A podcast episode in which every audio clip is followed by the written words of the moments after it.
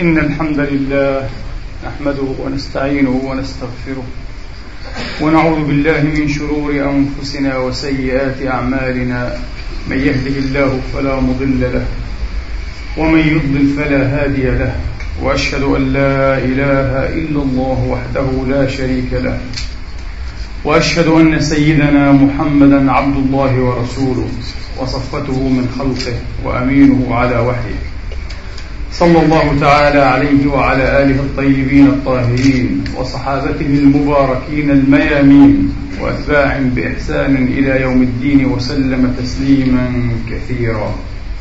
عباد الله أوصيكم ونفسي الخاطئة بتقوى الله العظيم ولزوم طاعته. كما أحذركم وأحذر نفسي من عصيانه ومخالفة أمره. لقوله سبحانه وتعالى من قائل من عمل صالحا فلنفسه ومن أساء فعليها وما ربك بظلام للعبيد. ثم أما بعد أيها الإخوة المسلمون الأفاضل أيتها الأخوات المسلمات الفاضلات يقول المولى الجليل سبحانه وتعالى في محكم التنزيل بعد أن أعوذ بالله من الشيطان الرجيم. بسم الله الرحمن الرحيم. فما أوتيتم من شيء فمتاع الحياة الدنيا. وما عند الله خير وأبقى للذين آمنوا. خير وأبقى للذين آمنوا وعلى ربهم يتوكلون. والذين يجتنبون كبائر الإثم والفواحش وإذا ما غضبوا هم يغفرون والذين استجابوا لربهم وأقاموا الصلاة وأمرهم شورى وأمرهم شورى بينهم ومما رزقناهم ينفقون. صدق الله العظيم وبلغ رسوله الكريم ونحن على ذلك من الشاهدين. اللهم اجعلنا من شهداء الحق القائمين بالقسط. آمين اللهم آمين. أيها الإخوة الأحباب أيتها الأخوات الفاضلات. لا شك أن العالم الإسلامي جملة قد حدث له لحظة التقائه بالعالم الغربي. شيء يمكن أن يسمى بالصدمة التي أورثته قلقا والتباسا وتحيرا في شأنه وفيما يستقبله من شؤونه مددا متفاوتة. فقبل قرن من الزمان تقريبا وجدنا علماء أجلاء يجدون أنفسهم مضطرين أن يفتوا الناس في حكم استخدام المصابيح الكهربية مثلا. وهذا شيء بالنسبة إليكم يعتبر عجيب يعتبر شيئا عجيبا جدا. أو هذا شيء يمكن أن يلجأ فيه العالم إلى فتوى؟ نعم. لأن بعض الناس كان متوقفا فيه. هذا شيء أتانا من الغرب. شيء أتانا من الغرب. إذا الأصل فيه أن يكون ممنوعا. الأصل فيه أن يكون ممنوعا. بعد أخذ ورد استقرت المسألة. يمكن أن نستخدم المصابيح الكهربية. طبعا هذا شيء من تاريخنا الفقهي. معروف وأسماء العلماء الذين لا أقول تورطوا إنما كانوا عناصر فاعلة أيها الإخوة في هذا المشهد موجودة ومعروفة من المشارقة والمغاربة. رحمة الله عليهم أجمعين. أكثر من ذلك استخدام التليفون. نفس الشيء.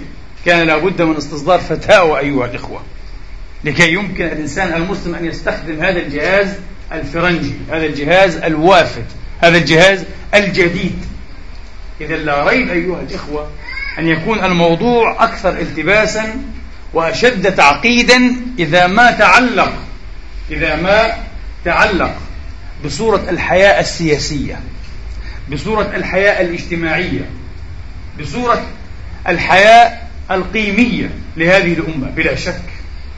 وسأضرب أمثلة سريعة أجعلها مدخلا لموضوعي الذي انتويت أن أحدثكم فيه وحوله اليوم إن شاء الله تعالى. سنة 1807 أيها الأخوة لا أحب أن أضبط هذه السنوات بالعربية الفصحى لأنه طويل مع أنه سهل. يعني يقولون سنة سبع أه بعد إيه؟ الألف والثمانمائة أو سنة سبع بعد إيه؟ ثمانمائة وألف. ألف وثمانمائة وسبعة. سهل جدا. واضطر أيها الإخوة السلطان العثماني سليم الثالث أن يعتزل السلطنة وأن يترك الملك بناء على فتوى بناء على فتوى. فتوى أصدرها شيخ الإسلام تقول هذا الرجل يريد أن يدخل نظامات جمع نظام أنظمة نقول الآن نظامات وعوائد الفرنج في بلادنا. والذي يدخل نظامات وعوائد الفرنج لا يستحق الملك. عزله الشعب واعتزل الرجل مباشرة. كان يجب أن يعتزل. انتهى به الأمر. كما يقال إلى إيه؟ إلى النسيان وإلى الإهمال. سنة 1907 بعد قرن أيها الإخوة بالضبط بعد قرن كامل بالضبط حصل شيء عجيب. مشابه. 1907 ما هو؟ لما أراد السلطان القاجاري محمد علي بن مظفر الدين القاجاري في إيران لما أراد أن يضرب الحركة الوطنية المناهضة له والرجل بلا شك لم يكن إيه قلبه على شعب كما يقال. ولم تكن مصلحة أو مصالح الشعب تشكل عنده أولوية. فأراد أن يضرب الحركة الوطنية. بماذا ضربها؟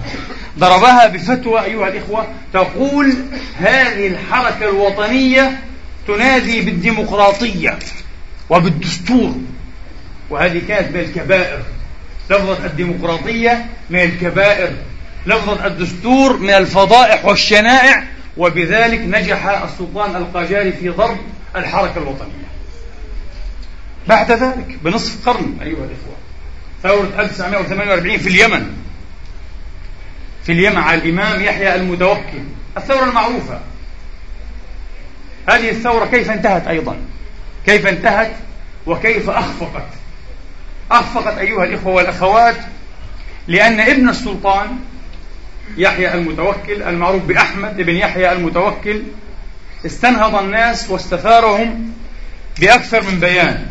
قال في أحد هذه البيانات أتحبون أيها الرجال يا زعماء القبائل يا رجال الإسلام أن يستبدل الدستور بالقرآن أن يستبدل الدستور بالقرآن بغض النظر عن مضمون هذا الدستور الذي قد يكون مضمونا قرآنيا صرفا لكن هو جعل الدستور وهذه مفردة ركن من أركان ما يعرف بالديمقراطية.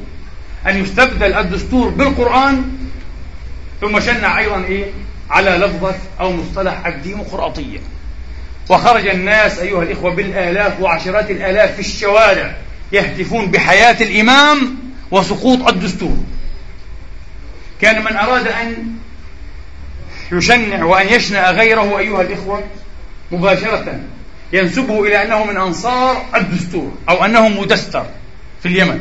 هذا شخص مدستر يعني مؤبلس مشيطن سجن جماعة من هؤلاء الدستوريين الثوار أيها الإخوة.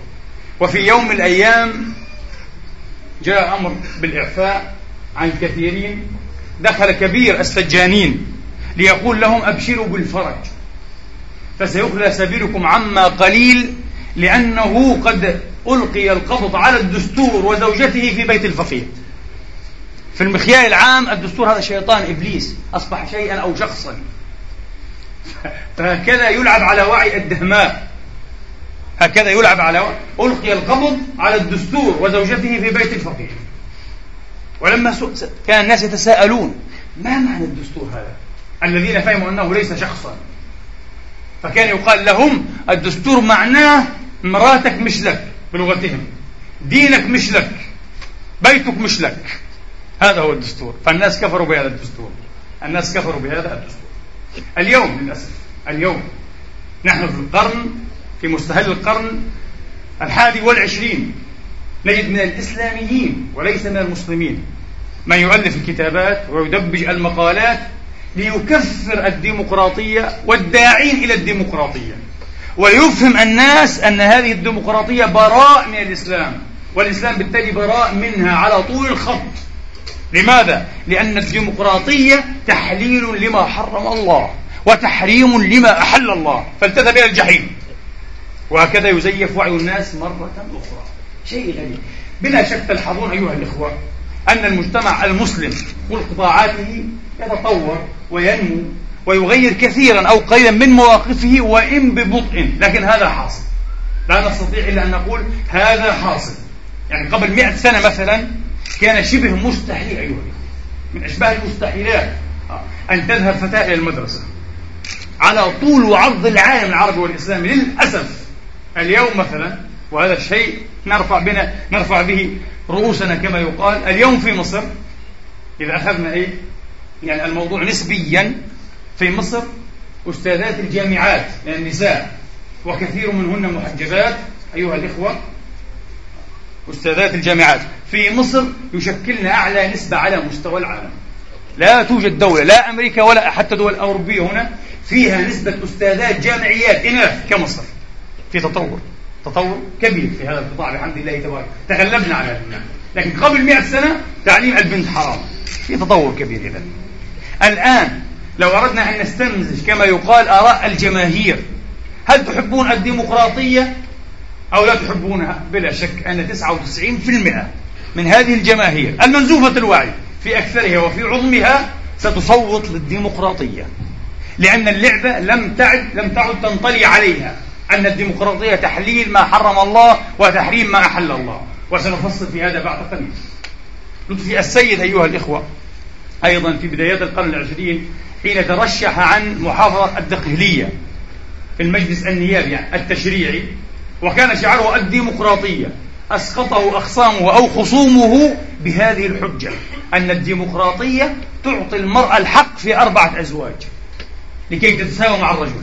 قالوا فليذهب لطف السيد أحمد لطف السيد باشا وبرنامجه إلى الهاوية. لا نريده سقط الرجل مباشرة. طيب قد يتساءل بعضكم فما هو الموقف إذن؟ من قضية الديمقراطية هذه التي تلخص دائما كما لخصها لينكولن بأنها حكم الشعب بالشعب لأجل الشعب لأجل مصلحة الشعب لأنها من دوموس بمعنى إيه؟ شعبوكراتيا بمعنى سلطة سلطة الشعب يجب أن نميز أيها الإخوة وهذا ما يسعد ما يسعد أن ثلة عظيمة وكبيرة من رجالات الفكر الإسلامي والفقه الإسلامي بحمد الله تبارك وتعالى الآن بات لديهم واضحا جدا ومميزا هذا التمييز بين ماذا؟ بين الخلفية والتضمين الفلسفي للديمقراطية وبين الديمقراطية كإجراءات وآليات وبين الديمقراطية كإجراءات وآليات كيف؟ بمعنى أننا إذا أخذنا من الديمقراطية إجراءاتها وآلياتها فإن هذه الديمقراطية سوف تكون مناسبة تماما لنا أيها الإخوة سوف نكيفها مع خلفياتنا العقدية الرؤيوية الفلسفية كما يقال ما معنى هذا الكلام؟ مثلا في حضارة وثنية كالحضارة اليونانية التي عرفت الديمقراطية على الأقل كمصطلح وممارسة أيضا في الحقيقة أه؟ لأول مرة هذه حضارة وثنية حضارة وثنية ترى نفسها مكتفية بذاتها ولا تحتاج؟ إلى الله تبارك وتعالى هذه على الأقل في ميدان التقنين والتشريع هذه الحضارة على هذه الخلفية النظرية الفلسفية طبعا يكون سقف الديمقراطية فيها عاليا جدا بحيث يجوز للإنسان أيها الإخوة أن يتحرر من كل الثوابت متى شاء فاليوم يكون الشيء حلالا غدا ب 51% يصبح حراما أو العكس صحيح ممكن لماذا؟ لأن الإنسان هو إله نفسه هو المشرع نفسه ولا يحتاج إلى إيه؟ إلى إله مفارق ومتجاوز يشرع له ويحدد له إيه؟ مناهج الطريق. يقول له هذا ممكن وهذا غير ممكن. هذه هي الخلفية؟ الفلسفية. لذلك نحن نختلف مع الديمقراطيات وفي الحقيقة هي ليست ديمقراطية واحدة. هنا حتى في الغرب حين يتكلم الإحصائيون المتخصصون عن الديمقراطية دائما يصدرون هذا السؤال which one أي واحدة. أي نوع من الديمقراطية؟ تقول لي ديمقراطية هكذا؟ ما في ديمقراطية كثيرة. حتى سياق تطورها التاريخي يختلف من دائرة لدائرة ومن بلد إيه إلى بلد. هذا معروف. فأقول الذي نختلف فيه أيها الإخوة وبسببه مع هذه الديمقراطيات هو هذا السقف. الذي يتحدث بماذا؟ ما سبب إيه؟ أو ما هو معيار تحديد هذا السقف؟ للممارسة الديمقراطية الخلفية العقدية الرؤيوية الفلسفية التي تنتمي إليها الأمة.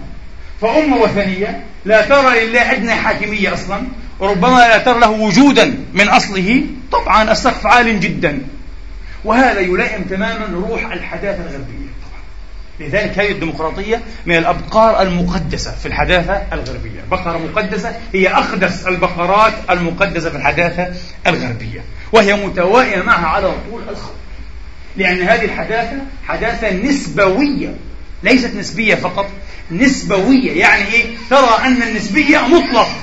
المطلق الوحيد عندها هو النسبية. أن كل شيء قابل إيه؟ للمنسوخية أن ينسخ. لذلك عرفها بعض إيه؟ بعض المفكرين الأمريكان بأنها هي القدرة ال ability القدرة على أن يغير المرء قيمه في a short notice يعني. آه؟ a short notice. في إشعار قصير. هكذا عرفها. لكن هل هذا يتلائم معنا؟ هل هذا يتلائم مع خلفيتنا العقدية والفلسفية؟ مستحيل. يأتي بعضهم ليقول ولكن هذه الديمقراطية فيها معيار الترجيح والتقديم بالأغلبية. يعني بالأكثرية. وهذا مرفوض قرآنا. انظروا إلى الفكر. سوف ترون أن الشقة قد بعدت جدا بين النص وبين الفهم للأسف الشديد. الشقة بعيدة جدا بين النص وبين فهم ووعي هذا النص كما ينبغي. لماذا؟ قالوا مرفوض لأن الله تبارك وتعالى ثرب وندد بالأكثرية في غير ما موضع من كتابه العزيز. فقال مثلا وإن تطع أكثر من في الأرض يضلوك عن سبيل الله. ولا تجد أكثرهم شاكرين. ولكن أكثر الناس لا يؤمنون لا يشكرون لا يعقلون. أكثرهم لا يعقلون. وقليل ما هم إلا الذين آمنوا وعملوا الصالحات وقليل ما هم. فالقرآن دائما يندد بالأكثرية ويثرب على الأغلبية. فكيف نجعل الغلبة للأغلبية وللأكثرية هذا يتجافى مع روح القرآن. هكذا يزيفون وعي الجماهير ووعي الشباب المسلم. كارثة أيها الإخوة للأسف الشديد. وينسى أو يتناسى ويجهل أو يتجاهل هؤلاء أن الحديث المفروض المفروض أنه عن مجتمع مسلم. نحن نتحدث عن ديمقراطية يراد لها أن تتكيف في ومع مجتمع مسلم. الأكثرية الساحقة فيه ممن لا يشكرون ممن لا يؤمنون ممن لا يعقلون ممن لا يعلمون أو الأكثرية هي ممن يسلمون ويؤمنون ويعقلون ويعلمون لأنه مجتمع مسلم. القرآن كان يتحدث أيها الإخوة عن الكفار والوثنيين والمشركين الذين ناصبوا محمدا ورسالته العداء على مدى سنين متمادية. هؤلاء هم الموصوفون أيها الإخوة أو الموصوفة كثرتهم بما ذكر. كيف يمكن أن نسقط هذه الآيات؟ النازلة في الكفار والمشركين على أكثرية مجتمع مسلم. ما هذه الطريقة؟ ما هذا المنهج في التفكير؟ شيء عجيب. هكذا يتوسل النص الديني أيها الإخوة. بمثل هذا الصغار الفكري لكي يقف حجر عثرة أمام ضرورات. لا أقول باتت. هي منذ تقريبا إيه؟ يعني بضعة عشر قرنا تشكل ضرورات مصيرية لهذه الأمة. والآن يتوسل بالنص الشرعي بمثل إيه؟ بمثل هذا الاستسهال لكي يقال لا لا نحتاج إلى هذا المعيار الترجيح بالأغلبية. طيب أين أنتم أيضا؟ نقول لهم من قول النبي عليه الصلاة والسلام في الحديث الذي خرجه الترمذي وقال حسن صحيح غريب. حديث الترمذي المشهور جدا أيها الإخوة. وحديث الإمام أحمد وأحاديث أخرى كثيرة. الشيطان من الواحد قريب وهو من الاثنين أبعد. معناها في ترجيح بماذا؟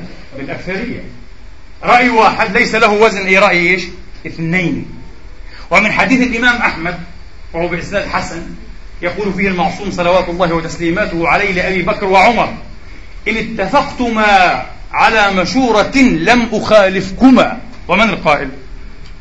المعصوم أيها الإخوة ليس المفكر المجتهد المتفلسف المتحدث المتمعقل المتكايس أبدا إنما هو رسول رب العالمين عليه الصلاة والسلام. يقول إن اتفقتما على مشورة يا أبا بكر وعمر الاثنين اثنان مقابل واحد. طبعا هذا بين مزدوجين في غير ماذا؟ في غير منصوص في غير منزل بالوحي. طبعا أمام الوحي الكل يقول سمعنا وأطعنا الكل كل الأمة ما في كلام هذا من ثوابتنا. لكن في أمور اجتهادية للعقل فيها مساغ للعقل فيها مدخلية كما يقال. قال لا. إن اتفقتما وأنتما اثنان أنا لم أخالفكما. اثنان مقابل واحد. هكذا. في أحد النبي عليه الصلاة وأفضل السلام ينزل على رأيه الكثرة وكانت كثرة هذه الكثرة من الشبيبة. شباب. حدث أسنانهم. حدث أسنانهم. كانوا هكذا. النبي نزل على رأيهم مع أنه كان يعلم أن الخير والخيرة أيها الإخوة والظفر في رأيه وكان يعلم. وقد دفعوا الثمن. دفعوا الثمن أيها الإخوة. تعرفون في أحد. ومع ذلك بعد هذه الواقعة ينزل القرآن الكريم بعد هذه الواقعة. يقول فبما رحمة من الله لنت لهم. ولو كنت فظا غليظ القلب لانفضوا من حولك فاعف عنهم واستغفر لهم وشاورهم في الأمر. حتى بعد أن كانت عاقبة الشورى هي هذه العاقبة السوءة لكن عليك أن تشاورهم هذا مبدأ إذا. الاشتراكية في الآراء وليس في الأموال فقط. اشتراكية الأموال واشتراكية الآراء مبدأ من المبادئ القطعية أيها الإخوة. في نصوصنا كما ينبغي أن يكون في عقولنا ومناهجنا.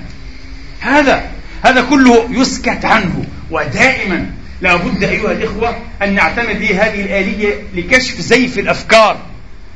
آلية ماذا؟ آلية البحث واستقصاء المسكوت عنه بإزاء المقول.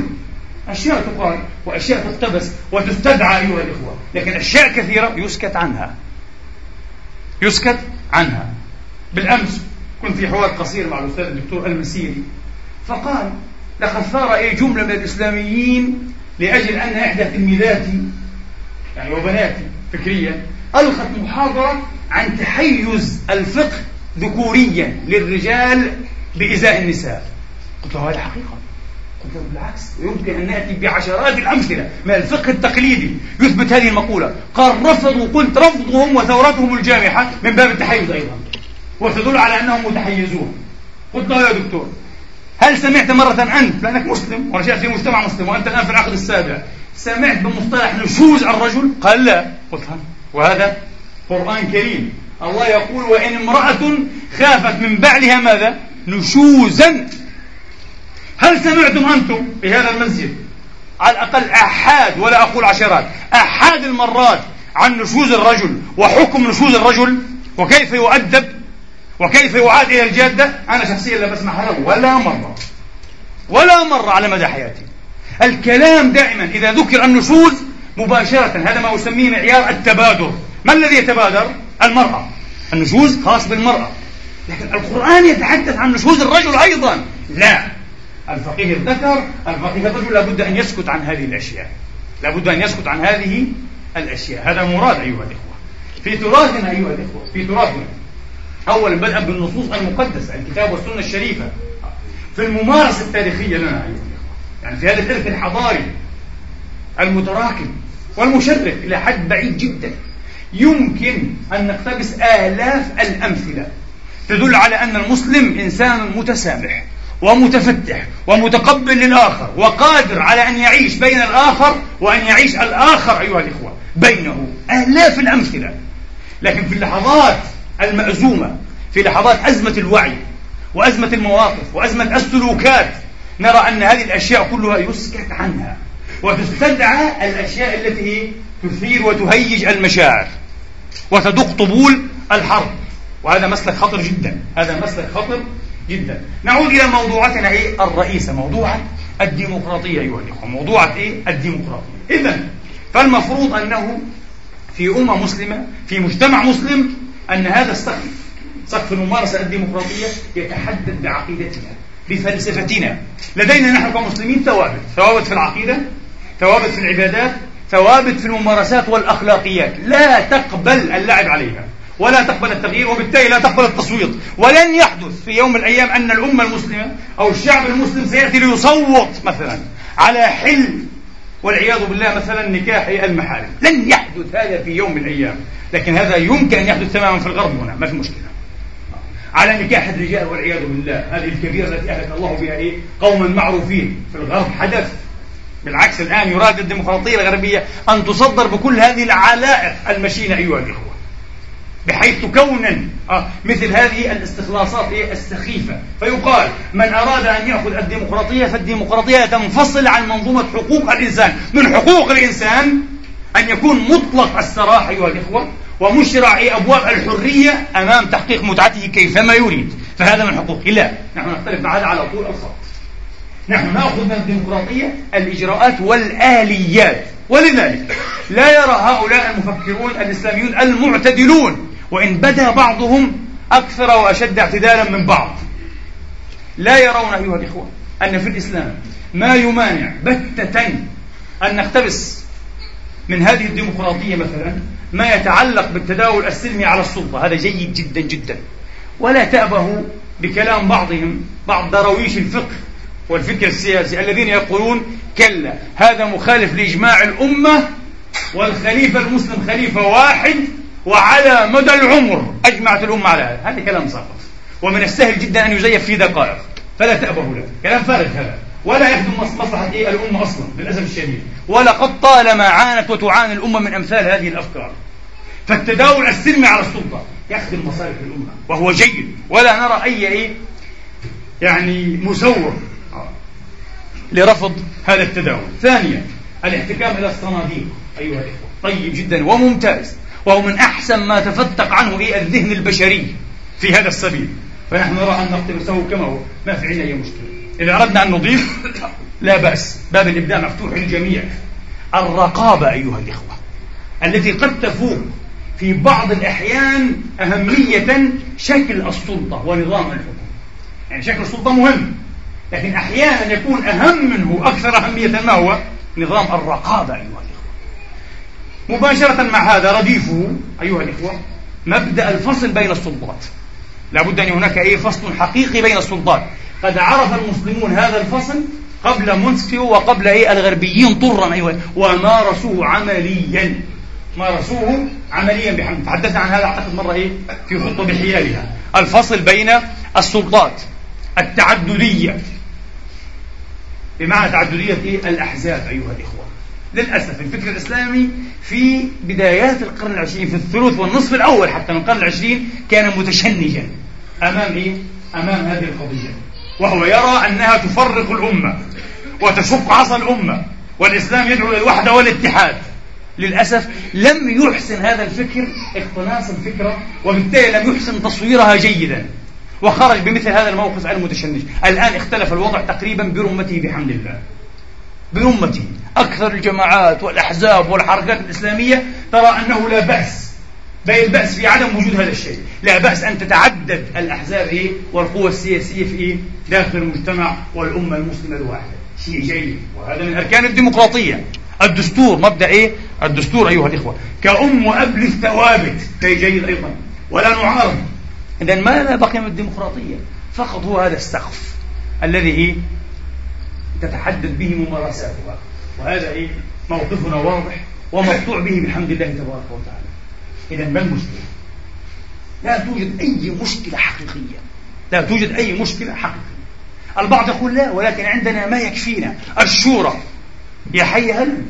لكن هذه الشورى أيها الإخوة لم تتمأسس تاريخيا ولا واقعيا بشكل جيد.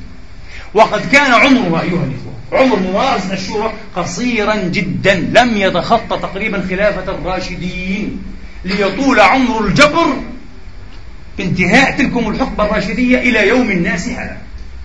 الأمة تعيش في ظل الحكم الجبري إلى يوم الناس هذا. الملك العاض فالملك الجبري. الشورى كمبدأ أيها الإخوة. يلتقي مع الديمقراطية في نقاط كثيرة جدا في نقاط كثيرة جدا. لكن هذه الشورى مورست محرفة ومزيفة وشائهة في أنظمة حكم جبرية ولا تزال أيضا باسم شورى ومجلس شورى. مثل كلاشيه أيها الأخوة مثل تزيين مثل ديكور فارغ.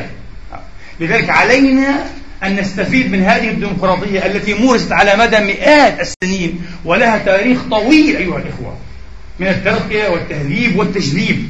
تاريخ ممارسة تطبيقي لابد أن نستفيد منها. بعد ذلك نحن لسنا متعبدين للألفاظ والمصطلحات. يعني لا علينا لا بأس لو أننا لم نسميها ديمقراطية. سميناها شيئا آخر ولنسميها شورى. توسلت من الديمقراطية هذه الإجراءات الطيبة المعقولة والتي تضمن وتفي بحاجات إيه؟ الأمة ومصالحها في هذه الأبواب المختلفة. لا بأس. نحن لسنا متعبدين للألفاظ والمصطلحات. أحببت فقط أيها الإخوة أن أناقش هذه الموضوع على عجل وأعتقد أنه تقدم منا ومن غيرنا الكلام كثير في هذه المسألة. يشبه ويقارب وقد يفوق هذا الكلام جودة وتحقيقا أيها الإخوة وترتيبا. لكن في هذه الظروف بالذات أنا أرى أنه بات من الضروري على المسلمين أن يبحثوا عن سبل للوفاق وسبل للإصلاح وليس لمصلحة المسلمين أيها الإخوة. لا في هذا البلد ولا حتى في بلادنا أن يعلوا من النبرة التي تدعو إلى تأريث نيران العداء. والأحقاد في وضع الأمة يخطط ويراد لها أيها الإخوة أن تتبنى أمثال هذه الدعوات. انتبهوا الوضع خطير وخطير جدا فعلا ليس من مصلحة الأمة. أنا لا أدري لماذا لم نستفد. صحيح هناك طبعا عوامل كثيرة جدا جدا لكن مبدئيا أنا أناقش المسألة مبدئيا. اليابانيون مثلا اشتركوا في حروب ومورست بحقهم فظاعات وشناعات لن يزال التاريخ ذاكرا لها ما حي الإنسان وكتب التاريخ. لكن هؤلاء اليابانيين لم يظلوا مأسورين ومعتقلين لنفسية موتورة ترى أن واجبها الأوحد والأول والأخير أن تثأر لظلاماتها أبدا. وإنما بحثوا عن الأسباب الحقيقية. بحثوا عن أسباب التفوق وأسباب الهيمنة في منطقهم. عرفوها جيدا وتوسلوها ونجحوا. ولذلك كان شعار اليابانيين إلى ما قبل تقريبا عشر سنوات لن ندعهم يكرروها ثانية في مقابر المحروقين بالقنبلة الذرية أيها الإخوة وفي نصب تذكارية رمزية هناك. كتبوا هذه العبارة إلى ما قبل عشر سنوات تقريبا ثم غيرت انتبهوا. لن ندعهم يكرروها ثانية. لكن في فترة قريبة قبل عشر سنوات غيروها. لن نسمح بأن تكرر ثانية. يعني أدركوا أنهم هم أيضا ساهموا في الكارثة التي حاقت بهم. ليس فقط العدو وحده العدو وأنا أيضا ساهمت لأنني لم أكن متوازنا بدرجة كافية. فيتحمل العدو قسطه والمسؤولية وأتحمل أنا الذي كنت خاضعا للاشتباه والالتباس وعدم وضوح الرؤية والموقف. أتحمل قسطي أيضا إيه؟ من المسؤولية. أقول قولي هذا وأستغفر الله لي ولكم.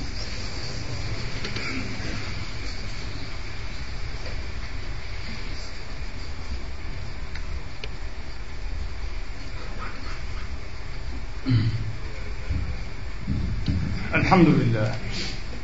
الحمد لله الذي يقبل التوبة عن عباده ويعفو عن السيئات ويعلم ما تفعلون ويستجيب الذين آمنوا وعملوا الصالحات ويزيدهم من فضله.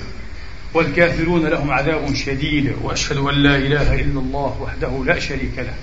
وأشهد أن سيدنا محمدا عبده ورسوله صلى الله تعالى عليه وعلى آله الطيبين وصحابته المباركين. وأتباعهم بإحسان إلى يوم الدين. أما بعد أيها الإخوة والأخوات سأقف هذه الخطبة الثانية كتهميشات كما يقال على ما صدر مني من فتوى في الأسبوع الماضي.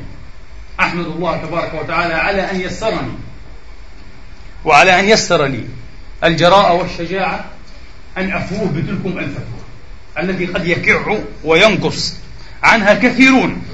ممن ينبغي عليهم أن يتحملوا مسؤوليتهم في التنوير وفي وضع النقاط على الحروف لأنها مسؤوليتهم. لا أعتقد أن أحدا يعتلي منبرا أيها الإخوة ويأخذ من أوقات الناس مئات الساعات ثم بعد ذلك يتصرف على أنه شخص غير مسؤول. ينبغي أن لا يسمح له أصلا أن يتصرف وفق هذه الطريقة. لأن في ذلكم إهدارا أيها الإخوة للمسؤولية تضييعا للمصلحة وامتهانا لذكاء الحاضرين. امتهانا لذكاء المستمعين. الحاصل أيها الإخوة أنه بحمد الله تبارك وتعالى قد سبرنا رجع هذه الفتوى عند جمهورنا على الأقل وعند آخرين بطرق مختلفة فالحمد لله. كان رجع هذه الفتوى ممتازا على غير حتى ما توقعنا. أكثر مما توقعنا بفضل الله. مما يحدث نوعا من الثلج والطمأنينة. أن الوعي الحقيقي لا يزال موجودا عند أكثرية المسلمين بفضل الله على الأقل بخصوص هذه الموضوعة موضوعة الإرهاب والتخريب وهذا المكر الإبليسي الحائق بالجميع الآن. هذا شيء طيب. أطيب منه أنني بعد أن اتصل بي أحد الأخوة الأفاضل من أهل العلم قد رجعت إلى الموقع الإسلامي الشهير إسلام أونلاين لأجد أن ثلة من كبار علماء العالم العربي والإسلامي بفضل الله تبارك وتعالى.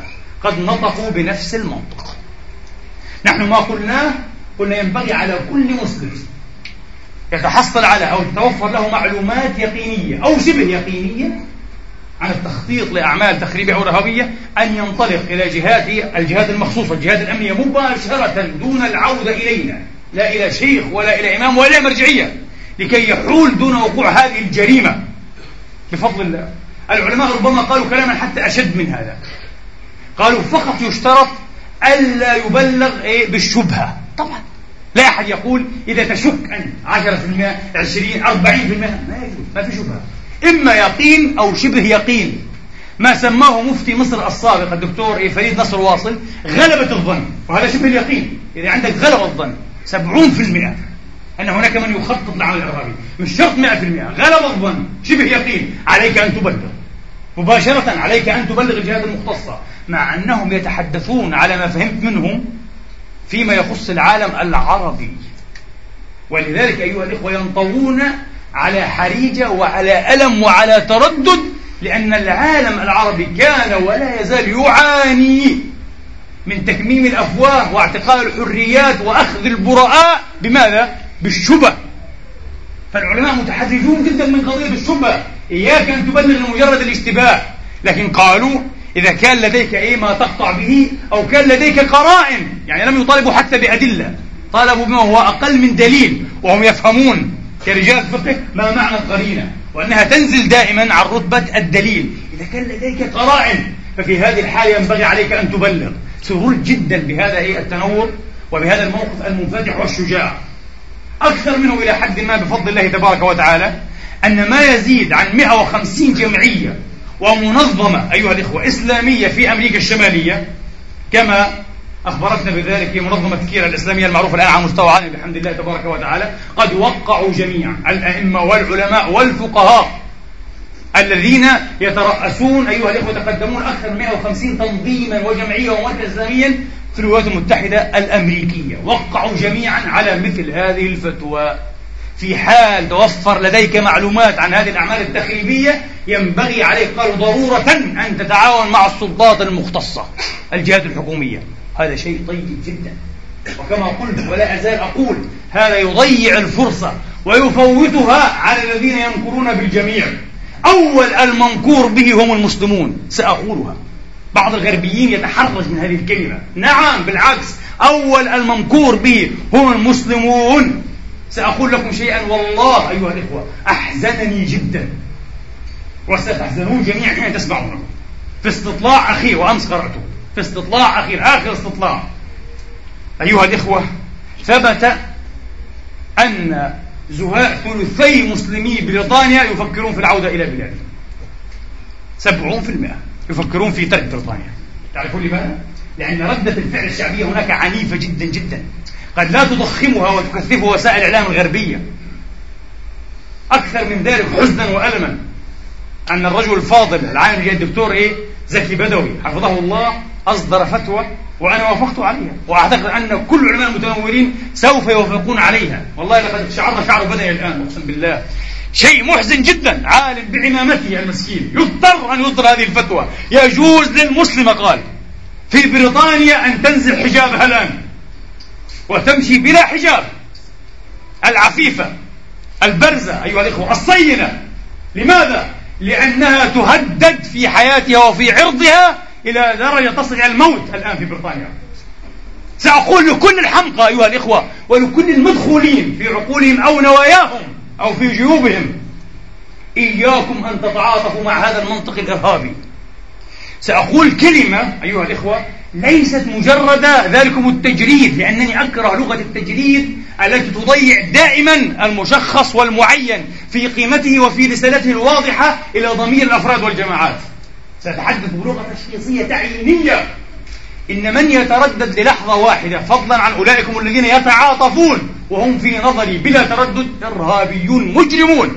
قتلة إنهم قتلة حقيقيون. مع مثل هذه الأفعال المجرمة أيها الإخوة هؤلاء ما الذي يمنعهم يوما أو ساعة من ليل أو نهار أن يذبحوا طفلا يمشي في شارع هنا؟ أن يطلقوا رصاصة على دماغ رجل يمشي في أمان الله. يقول لا لا لا لا يفعلون. لماذا لا يفعلونها؟ نفس الشيء. لا يوجد فرق بين طفل يمشي في الشارع الآن أو امرأة ذاهبة إلى عملها أو راجع إلى بيتها وأطفالها أو عجوز كبير أه؟ يسير في نزهة خلوية مثلا أو مدينية مع إيه؟ مع زوجته العجوز. لا يوجد أدنى فرق بين قتل أو ذبح هؤلاء من غير جريرة وبين تفجيرهم هم أنفسهم في الأندر جراوند في الصبوية أو في الباصات. ما الفرق بالله قولوا لي ذهني لم يلتقط أدنى فرق. وهذه هي نفسية المجرم الإرهابي. هل تعلمون وأنتم بالحري تعلمون جميعا أيها الإخوة أن النبي المحمد صلوات الله وتسليماته عليه قد حدد بشكل واضح أنه لا يسوغ ولا يجوز للجندي المجاهد الفارس وليس الجبان الفارس المسلم الذي ينطلق إلى جهاده أثناء الطريق أو في ساحل وغى لا يجوز له ولا يسوغ بتة أن يغتال حيوات كل الذين لا يقاتلون حتى في ساحة المعركة. انتبه أنت الآن نشبت معركة بينك وبين أعداء الله. ومعركة ماذا حتى؟ حتى معركة دفاعية. أنت تدافع. هم أتوا بخضهم وخضضهم معهم نساؤهم معهم صبيانهم. شيوخ عجز أيها الإخوة إلى آخره. النبي قال هؤلاء لا يقتلون. الله أكبر. هذه الأخلاقية. هذا هو الإسلام. فعلا دين المرحمة ودين السلام لا دين الإرهاب والجريمة والجبن. ممنوع في ساحة المعركة أن تقتل صبيا أو امرأة أو شيخا كبيرا لا يقاتل. وقد غضب النبي أشد الغضب. من أجل امرأة وجدها في ساحة المعركة ليست في بيتها ليست في ال underground ليست في الباص في بيتها في ساحة المعركة جاءت.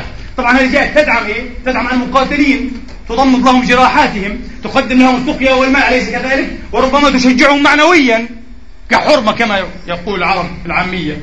ومع ذلك إنها لا تقاتل ليست مقاتلة حقيقيا لا تهدد حياتي بشكل مباشر. فغضب النبي وأعلم براءته من هذا الفعل النكر وقال من قتل هذا ما كانت هذه لتقاتل النبي. هل نحن حقا أتباع محمد عليه السلام؟ هل نعكس الإسلام؟ ويأتي بعض الناس يستنكر حتى مثل هذا المنطق مع أنه هو مع أنه وافر الدي أيها الإخوة وموفور الصحة والعفاء. مثل هذا الاستدلال. لا يأتي يقول لماذا؟ أنا لا يمكن أن أستسيغ أن أبلغ عن أخ لي في الدين. انتبه. لا نحن لا نتعامل فيما بين بعضنا البعض أيها الإخوة أه؟ كيانيا نتعامل دائما وصفيا. صحيح؟ طبعا. أنت تجرد مني الشيخ عدنان مباشرة. لو كنت مجرد عدنان لن تسمح لي أن أعتري هذا المنبر. من أنت؟ أنت عدنان وأنا محمد. أنا سعيد. صحيح؟ إذا تقول لي أخ أيضا وقعنا في التجريد. تقول لي أخ. أخ مسلم مجرم. انتبهوا. أخ مسلم مدسوس. أخ مسلم مدفوع. أخ مسلم ملتاز في عقله. استخدم هذه اللغة الوصفية الدقيقة. ولا تقع في التجريدات والتعميات الناجمة عن التعميمات الباطلة. فإذا كان هذا الأخ المسلم وهو أخ لي في الدين بالأمس سألني أحد الصحفيين هل أنتم تكفرون هؤلاء؟ قلت لهم معاذ الله. مشكلتهم أنهم يكفرون أمثالنا أحيانا ليسوا جميعا بعضهم يكفرون كل من خالفهم الرأي. لذلك نحن ندرك حجم إيه؟ المشكلة حراجة المشكلة. المشكلة ليست مع الآخر الملي دائما مع الآخر في الفهم مع الآخر في الاجتهاد أيضا. والمشكلة ليست بنت اليوم إنها بنت أربعة عشر قرنا من يوم أيها الإخوة واسمعوا هذه الطرفة العجيبة المحزنة المبكية. من يوم جاء العالم والإمام الجليل واصل ابن عطاء وكان من مصاقع أيها الإخوة ومن دواهي المسلمين عقلا وحكمة حتى إيه لغة وبيانا كان يلفظ في حرف الراء. فكان إذا خطب أو ناظر لا تضبط عليه كلمة واحدة فيها حرف الراء. يتكلم دون أن يتورط باستخدام كلمة فيها حرف الراء. عبقري. واصل ابن عطاء مؤسس المعتزلة هذا الرجل. هذا الرجل وقع في أيدي الخوارج. قولوا سؤال عن هوية الآن أه؟ من أنت؟ قال مشرك مستجير. اضطر أن يتبرأ من إسلامه لأنه لو قال مسلم لقتل. مسلم غير خارجي يذبح. انظروا إلى حالة المشكلة. منذ أربعة عشر قرنا. مشكلة مع الذات ليست فقط مع الآخر. مع الآخر بالمطلق. ليس الآخر الملي. الآخر الاجتهادي أيضا. هكذا. فقال لا أنا لست مسلما. أنا مشرك مستجير فأكرموه. وقال قائدهم أبلغوه مأمنة. لأن الله أمرنا أنه إذا إيه استجار بنا أحد المشركين أن إيه أن نكرمه وأن نبلغه مأمنه. كما في صدر التوبة. شيء عجيب جدا. شيء عجيب. قلت له لا حاشا لله أن نتورط في تكفيرهم. كل الذي أدى بنا إلى هذا أيها الإخوة أو بعض ما أدى بنا إلى هذا إلى هذه الوحدة الذرية هو منطق التكفير. كفر ثم استبح دمه بعد ذلك. كارثة. كارثة كبيرة وكبرى أيها الإخوة. هكذا. نعم. فإذا أيها الإخوة ينبغي أن نكون واضحين مرة أخرى أقولها أن نكون واضحين وأن نكون دقيقين وليست الآن المس... خرجت المسؤولية عن أن تكون مسؤولية؟ الفقهاء والعلماء والوعاظ وأصحاب؟ المنابر مسؤولية كل واحد منكم على حدة وهي مسؤولية دينية إذا أردت أن تحافظ على جاليتك وأن تحافظ على نفسك وإذا أردت أيضا ألا تكون جاحدا سأسجل أيضا هذه الملاحظة لأنني سمعت بعضهم يقول للأسف كم استمعت كم استأتوا من هذا التعليق يقول أصبح المسلمون مهجوسين بهاجس رد الجميل والاعتراف بإيه؟ للآخرين أيها الإخوة بما أزدوا إلينا من أيادي بيضاء ومتى كان المسلم جاحدا للأيادي البيضاء متى كان المسلم كافرا بالنعمة أيها الإخوة هل هذا من أخلاق المسلمين؟ بالعكس أنا أعتبر أن مما يرفع المسلم به رأسه أنه لا يجحد النعمة كل من أسدى إلي معروفا. كل من أمني وللأسف هذا الشخص الذي سمعته يعلق هذا التعليق ينتمي إلى جالية عربية. معظمها يقيم هنا وأعناقهم مطلوبة لنظام حكمهم. فماذا أعطتك أيها المعلق الذكي اللوذعي؟ النمسا.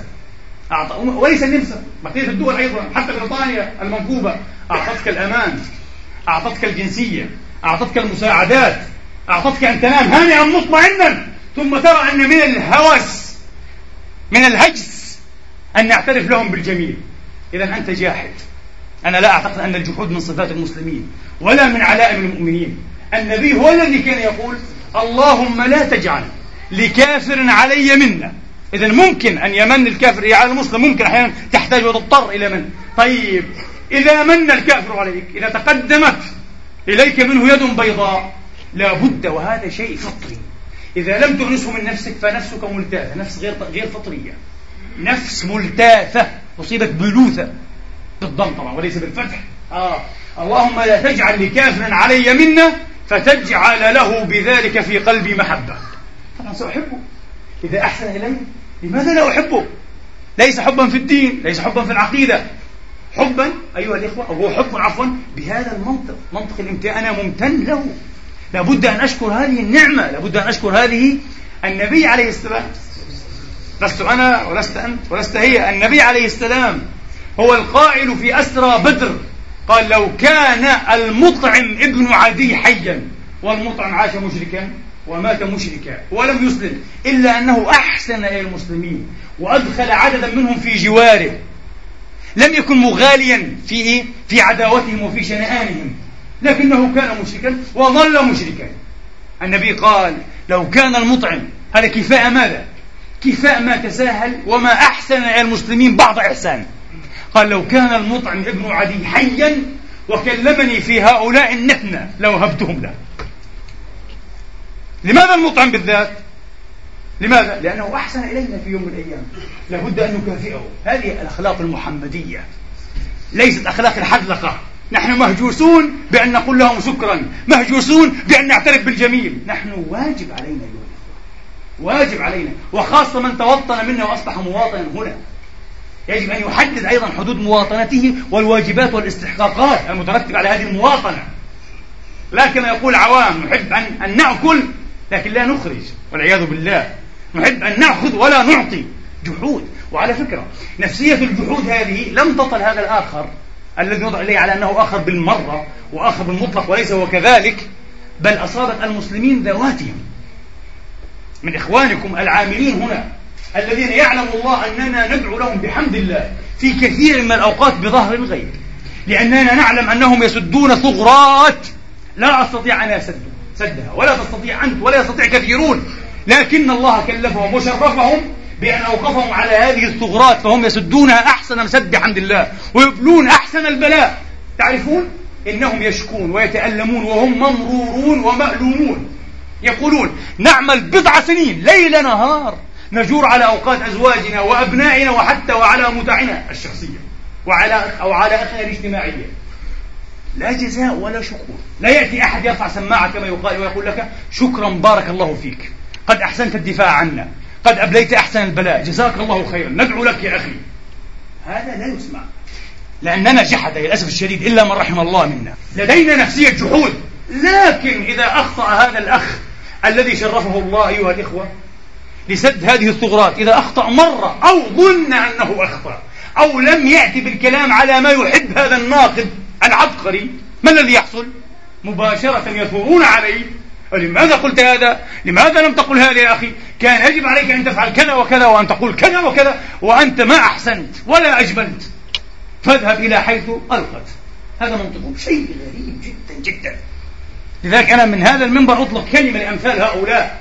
عليكم أن تنقوا وأن تفتشوا قلوبكم وحذاري أن تتصفوا وأنتم لا تعلمون بصفات المنافقين. لن أتردد أن أقولها واضحة لأن المعيار نبوي صريح. يقول عليه الصلاة والسلام المؤمن يلتمس لأخيه المعاذير. المؤمن حتى إذا عثر أخوه يقول له لعن يقول له لعن أي أقاله الله أنعشه الله ثم يعفي على آثار عثرته. ولا يحب من يذكر بها ويدعو له ويحزن لأجله.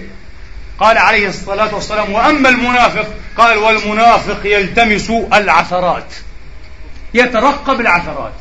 الذين قال فيهم ابن تيمية طبعهم طبع الذباب. الذباب لا يمكن أن يقع على ثوب أبيض مبخر مزهر جميل أبدا. لكن إذا وجد موضع عقر أو جرح أو وساخة يترك الثوب كله ويأتي إلى هذا العقر. بعض الناس طبعهم والعياذ بالله من طبع الذباب. يتركون كل المحاسن كل شيء نظيف وجميل وباهر ويأتون إلى العقر والجرح والعثرة. إنها نفسية جحود نحذر منها أيها الأخوة وهذه النفسية هي أحد الأسباب في شق الصف الإسلامي وفي تنافر صفوف وقلوب المسلمين للأسف الشديد. نفسية جحود. فعلينا أن ندرب وأن نمارس أيها الإخوة وأن نذكر نظريا بضد هذه النفسية نفسية العرفان نفسية الجميل. عجبت سمعتم أنتم الدكتور مسيري كان هنا مفكر وفيلسوف عالمي الحمد لله. معروف لدى الغربيين أكثر منه ربما لدى العرب الآن. أحد الأخوة دعاه إلى غداء وكنت أحد المدعوين. والله الرجل أمس ودعناه أمس. وهو مهموم ومسكون. أريد تلفون هذا الرجل. أتيت به؟ قال هذا ملغي من الخدمة.